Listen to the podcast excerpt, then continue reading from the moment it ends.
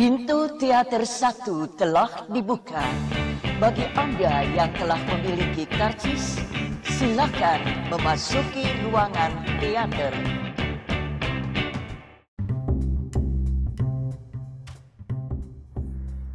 Halo semuanya, balik lagi sama gue Mustafa di podcast habis nonton film So I just watch Roma, the newest film from Alfonso Cuarón yang sepertinya akan mendapatkan penghargaan Oscar sebagai film asing terbaik di tahun 2019 nanti. Atau paling enggak nominasi deh, enggak sih. Pasti masuk. Nominasi itu udah pasti, gue sangat yakin nanti ada shoplifters di sana. Jadi kemungkinan besar Roma akan menang dan kalian udah bisa nonton di Netflix karena hari Jumat kemarin itu tanggal 15 eh 15 sih sekarang malah berapa ya? Tanggal 14 tanggal 14 kemarin itu serentak dirilis di semua negara melalui Netflix. Uh, sebelumnya juga diputar secara terbatas di bioskop oleh Netflix di Amerika dan beberapa negara lainnya. Uh, nggak termasuk Indonesia. Sayang sekali karena gue berharap bisa nonton film ini di layar lebar ya gue berharap ada komunitas atau lembaga yang bisa membawa film ini dan bisa ditayangkan di bioskop gitu supaya supaya atmosfernya lebih terasa gitu supaya supaya rasa sinematiknya itu lebih dapat karena ya sebenarnya filmnya punya nilai yang bagus oke okay. film ini menceritakan tentang seorang pembantu di Meksiko pada tahun 1970. Refleksi atas Alf, refleksi Alfonso Cuarón terhadap masa kecilnya di kota Roma di Meksiko. Jadi filmnya sangat personal bagi dia. Dia sangat apa ya, sangat sangat menjalankan film ini dengan sepenuh hati.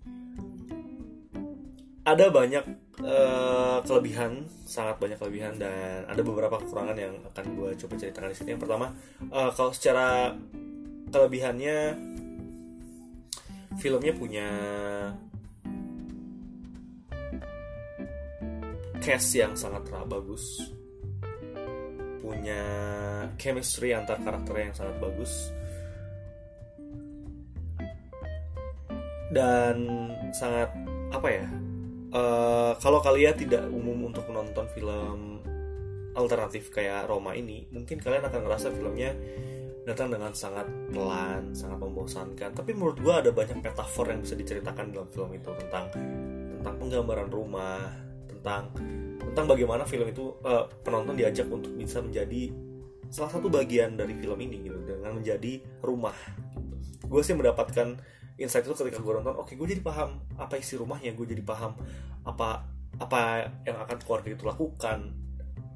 Uh, apa ruangan ini di mana apa yang biasa mereka lakukan. Gue jadi gue jadi bagian dari mereka dan itu gue jadi rumah di sana. Kita jadi kita di kita diperlihatkan rumah itu datang dari ada posisi apa aja. Dan dari berbagai sisi maksudnya ya. Dan kita jadi jadi tahu apa yang biasa lakukan mereka lakukan. Jadi karakter itu berpusat pada Cleo. Cleo dan majikannya. Nah, yang memerankan Cleo ini menurut video yang gue tonton dari Alfonso Cuarón interviewnya dia satu tahun penuh mencari si pemeran utama Cleo ini. Dan akhirnya dia menemukan dan si pemeran ini hampir aja menolak karena dia takut filmnya tentang human trafficking. Jadi uh, akhirnya tidak dan Cleo juga si pemeran Cleo ini tidak tahu juga siapa si Alfonso Cuarón so uh, Alfonso Cuarón juga sangat senang bisa menemukan cast ini karena sangat sempurna untuk film film dia gitu. Lalu ada ibu dan keempat anaknya. Yang akhirnya mereka sangat ber, bersatu gitu ya sangat sangat hidup dalam karakternya dalam dalam ceritanya karena mereka membutuhkan satu sama lain gitu. Semua case-nya itu sangat rapi sangat uh, kita tuh kayak kita tuh kayak ngelihat dokumentasi kehidupan sebuah keluarga tapi dengan cara yang sangat sinematik gitu sangat sangat bukan kayak dokumenter ya yang terjadi apa adanya tanpa ada proses dramatisasi. Ini ada proses dramatisasi tapi ini lebih terasa sangat natural gitu. Nggak ada yang terlihat acting begitu berlebihan gitu. Apalagi uh, ekstrasnya ya. Waduh ada banyak scene yang bikin gue geleng-geleng sebagai filmmaker gitu. Anjing nih gimana bikinnya? Ekstrasnya segini banyak. Ini kayak kayak beneran syuting di situasi yang beneran gitu. Jadi tanpa ada pembuatannya pembuatan palsu gitu ya. Cara pergerakan ekstrasnya gimana pemain itu bisa berinteraksi satu sama lain terus ada kejadian huru hara gempa dan segala macamnya itu membuat gue semakin yakin kalau Alfonso Cuarón itu sebagai saudara terbaik gitu. Nah apalagi case-nya case-nya tuh anak-anaknya ya itu tuh kayak saudara saudara saudara kandung beneran gitu. Gitu tuh ngelihatnya pas nonton ini tuh mereka beneran acting dan gimana cara gimana caranya mereka bisa melakukan itu? Karena ada banyak banget detail-detail sih yang yang menurut gue itu tidak deskripsi. Kalau terlihatnya ya karena sangat-sangat natural.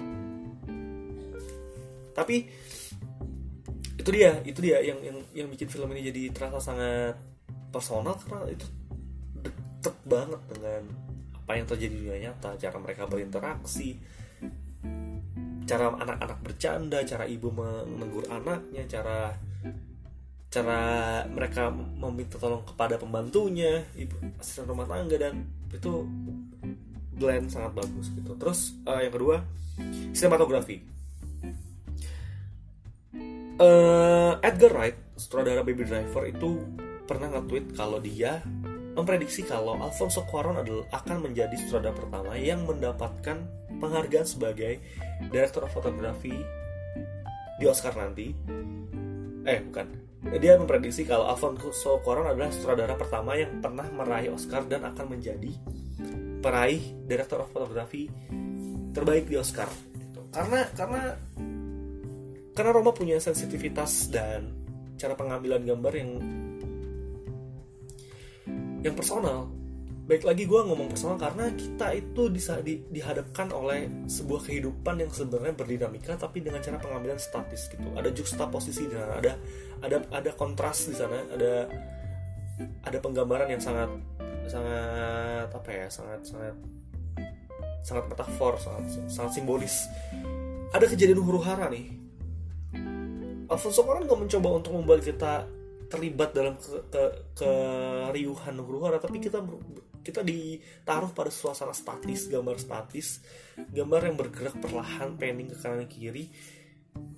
Tapi itu sangat mencekam sangat sangat sangat sangat sangat sangat sangat menghujam hati gitu sangat menghujam hati sangat membuat kita apa ya jatuh kepada jatuh kepada keseriusan dan ketakutan si karakter utama gitu. Itu satu dari sekian banyak hal ya ada banyak uh, komposisi yang menurut gue baru banget di sini especially the last scene ketika not the last not exactly the last scene tapi ada satu scene pamungkas di akhir nanti di pantai. Uh, itu Spike Lee bilang kalau jadi ada satu wawancara gitu di The Hollywood Reporter Spike Lee bilang ke ke Alfonso Cuarón ya. Dia nanya uh, gue boleh nanya nggak itu adegan di pantai itu gimana syutingnya? Oh yang di pantai kata dia. Uh, ya itu sangat sangat sangat sangat menyakitkan kata dia kayak gitu kata Alfonso Cuarón berapa lama syutingnya? Alfonso, Alfonso, Alfonso Cuarón bilang ya itu cuma gambar yang bisa aku ambil. Hah? terus orang kaget. Spike Lee bilang jadi cuma satu kali take. Iya kata dia kayak gitu. Tapi sebelumnya malam sebelum syuting itu terjadi badai dan segala macam dan I'm amazed kalau scene yang sepowerful itu. Itu cuma satu kali tag bro. What the hell? Sutradara sutradara dan DOP penulis gitu ya.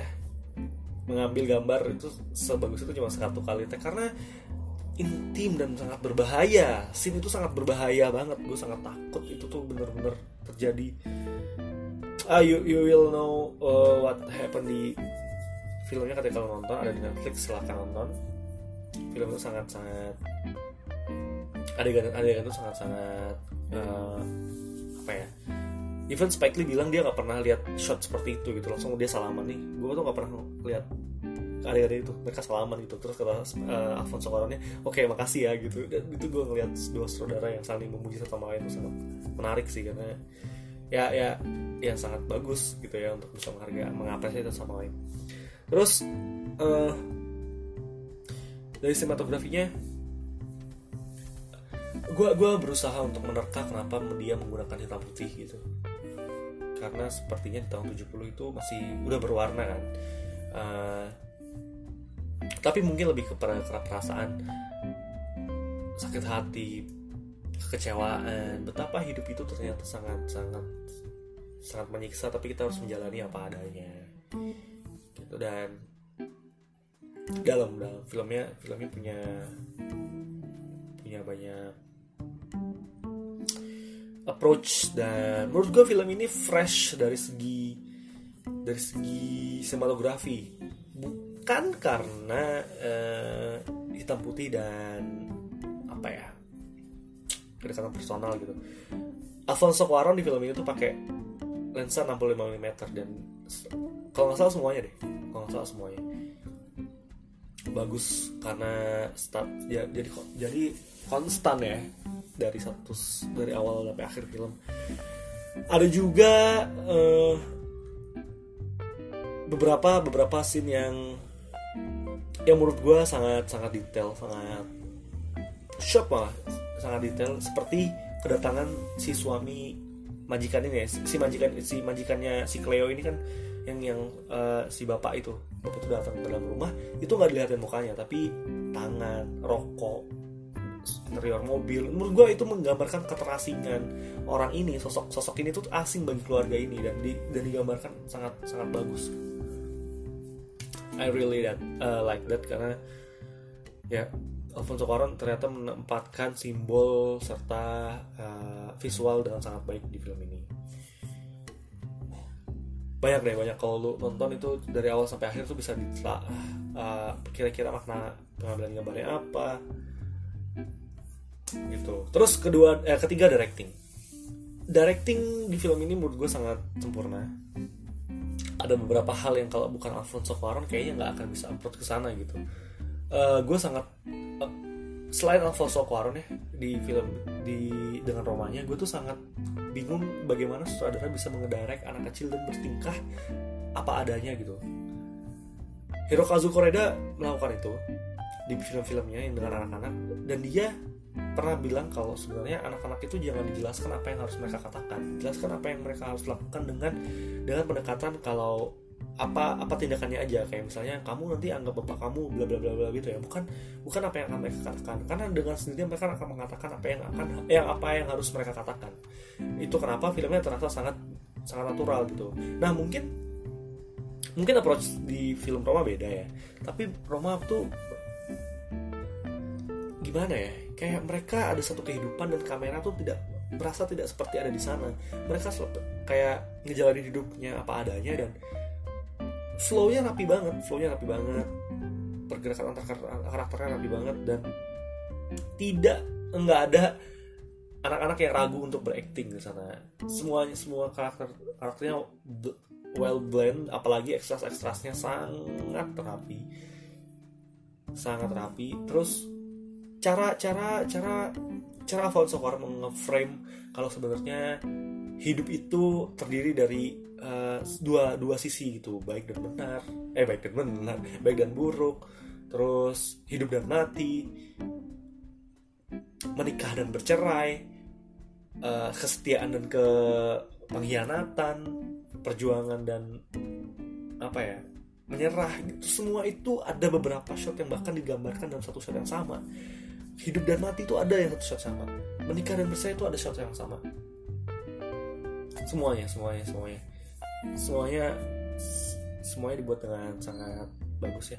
Uh, gue pernah ngobrol sama temen gue namanya Bihar dan dia pernah bilang kalau sebenarnya DOP di film ini itu harusnya Emmanuel Lubezki. Tapi karena waktu yang digunakan sangat panjang jadi Emmanuel Lubezki itu uh, menyerah dengan schedule. Dan kalau kalian tahu film itu diambil dalam uh, syuting day-nya itu 110 hari 110 hari itu itu hampir 4 bulan itu biasanya syuting untuk film-film aksi, film-film superhero, film-film yang membutuhkan teknis yang besar gitu. Tapi Alfonso Cuarón kayaknya membutuhkan uh, kesabaran karena dia nge-shoot film ini secara continuity dan dia bilang jika ending film itu tidak berhasil dia nggak tahu harus harus bikin apa lagi karena ah itu yang gue maksud tuh adegan di, di pantai ya. Kalau kalau adegan itu tiba-tiba terjadi sesuatu ya dia nggak punya nggak punya pilihan lain dan itu harus dikat di sana gitu. Nah baik lagi 110 hari tadi. Uh, itu tuh waktu yang cukup lama untuk untuk bikin bikin sebuah apa ya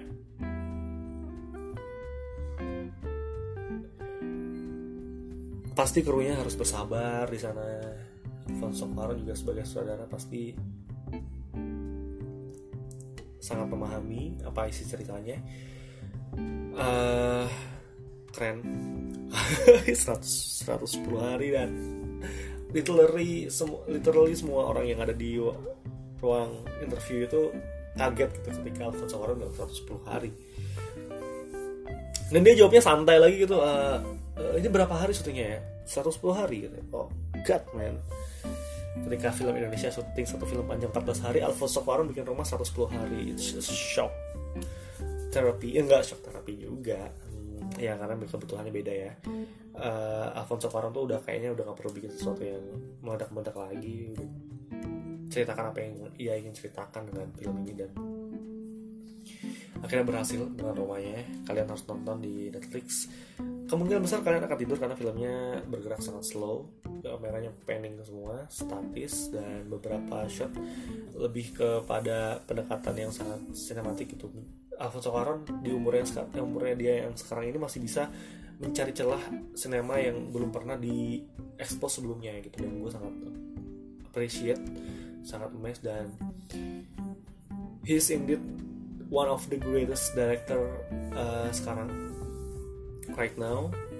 Dan ya semoga dia bisa menciptakan film lagi sebagus ini dengan approach yang yang yang dia suka gitu ya. Terus uh,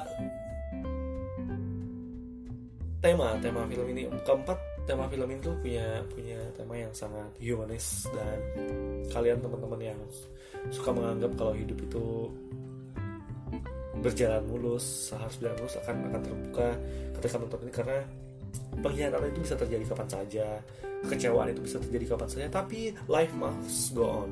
Hidup itu harus terus berlanjut jangan berhenti terus terus hadapi. Jangan jangan ya jangan jangan jangan coba untuk berhenti lah terus jalani hidup ini apa adanya. Nah itu sih itu gambaran yang gue dapat dapat di sana karena karena hantamannya bertubi-tubi. Hantaman yang menyiksa si karakter utama ini bertubi-tubi. Dan jika gue adalah wanita mungkin gue akan sangat relate dan gue sangat sangat uh, empati. Tapi karena gue laki-laki jadi gue lebih kesel kepada ke orang yang menyakitinya. Gitu. And last one uh, gue ngomongin soal kekurangannya. Film ini itu akan tidak film ini memilih uh, akan sedikit berkurang rasanya jika kalian saksikan di layar yang kecil. Jadi semakin besar layar yang kalian uh, gunakan dan semakin bagus audio yang kalian gunakan itu akan meningkatkan kualitas uh, atau experience ketika kalian menonton film ini karena gue nontonnya di layar komputer gitu dengan speaker uh, biasa yang cukup kencang juga karena gue tahu ada beberapa atmosfer yang sangat low. Yang biasanya itu kita nonton di bioskop gitu ya. Dan itu udah gak terasa nih karena apa? Karena ya itu lagi karena OTT karena Netflix uh, yang punya hak untuk menyalurkan film itu. Gue rasa kekurangannya cuma itu sih. Film ini mostly ditonton di uh, Netflix. Jadi kurangnya karena sebenarnya filmnya ditujukan untuk film festival dan uh, sebesar besarnya layar gitu ya. Nggak kayak film apa uh, let's see. Ada beberapa ada beberapa film yang cuma bisa ditonton di bioskop yang menurut gue yang kalau nggak ditonton di bioskop nilainya bisa berkurang jauh. La La Land. Uh, Greatest Showman. Uh, apalagi dan film horor-horor lainnya itu film horor tuh kalau nggak di bioskop nggak nggak mencekam gitu ya. Terus apalagi ya? Itu itu sih. Kalau secara kekurangan itu dan gue sebagai lelaki uh, tidak terlalu berempati dengan karakternya secara dalam. Gue lebih kepada kesal kepada karakter yang menyakitinya dan gue rasa kita semua uh, punya kedekatan yang berbeda-beda gitu ya dalam dalam nilai karakter dan gue rasa sih ya itu semoga semoga nggak terjadi gue gue gue hampir spoiler ceritanya. Dan semoga kita lebih menghargai orang lebih lebih menghargai hidup lebih lebih berusaha untuk menjalani hidup apa adanya terima dan jangan jangan merah jangan merah dan masih banyak orang yang mencintai kita dan ya uh, masih banyak yang bisa kita ceritakan kepada orang lain. Masih banyak orang yang yang berhak untuk bersama kita dan kita tuh kita tuh berhak loh untuk merasa bahagia dan jangan biarkan diri kita jatuh kepada uh, kesedihan. Dan film-film ini tetap membuat kita oke okay, apa pun yang terjadi jalan nih. Sampai mana sampai mana sampai mana. Meskipun itu sebenarnya kita kita tidak inginkan gitu. Dan tuh uh, scene di pantai itu membuat gue sedih seketika. Karena karena di situ terungkap apa yang sebenarnya si Cleo terasakan oke okay, itu aja. Uh, this film will win Oscar uh, mark my word. Gue meskipun gue sangat mendukung Marlina untuk bisa dalam nominasi sana ya. Masuk nominasi aja deh gak usah menang karena menang itu sangat lawannya Roma dan Shoplifters gitu yang sudah melalang buana ke mana-mana. Gue berharap Marlina sebagai perwakilan Indonesia bisa masuk nominasi Oscar sehingga ber, berngefek juga kepada perfilman Indonesia gitu. Exposure-nya lumayan tinggi dan Roma akan memenangkan Golden Globe dan Oscar jadi kalian harus nonton segera di Netflix berbayar ya, jangan bajakan, jangan nunggu downloadan. Itu aja, sampai jumpa di episode selanjutnya. thank you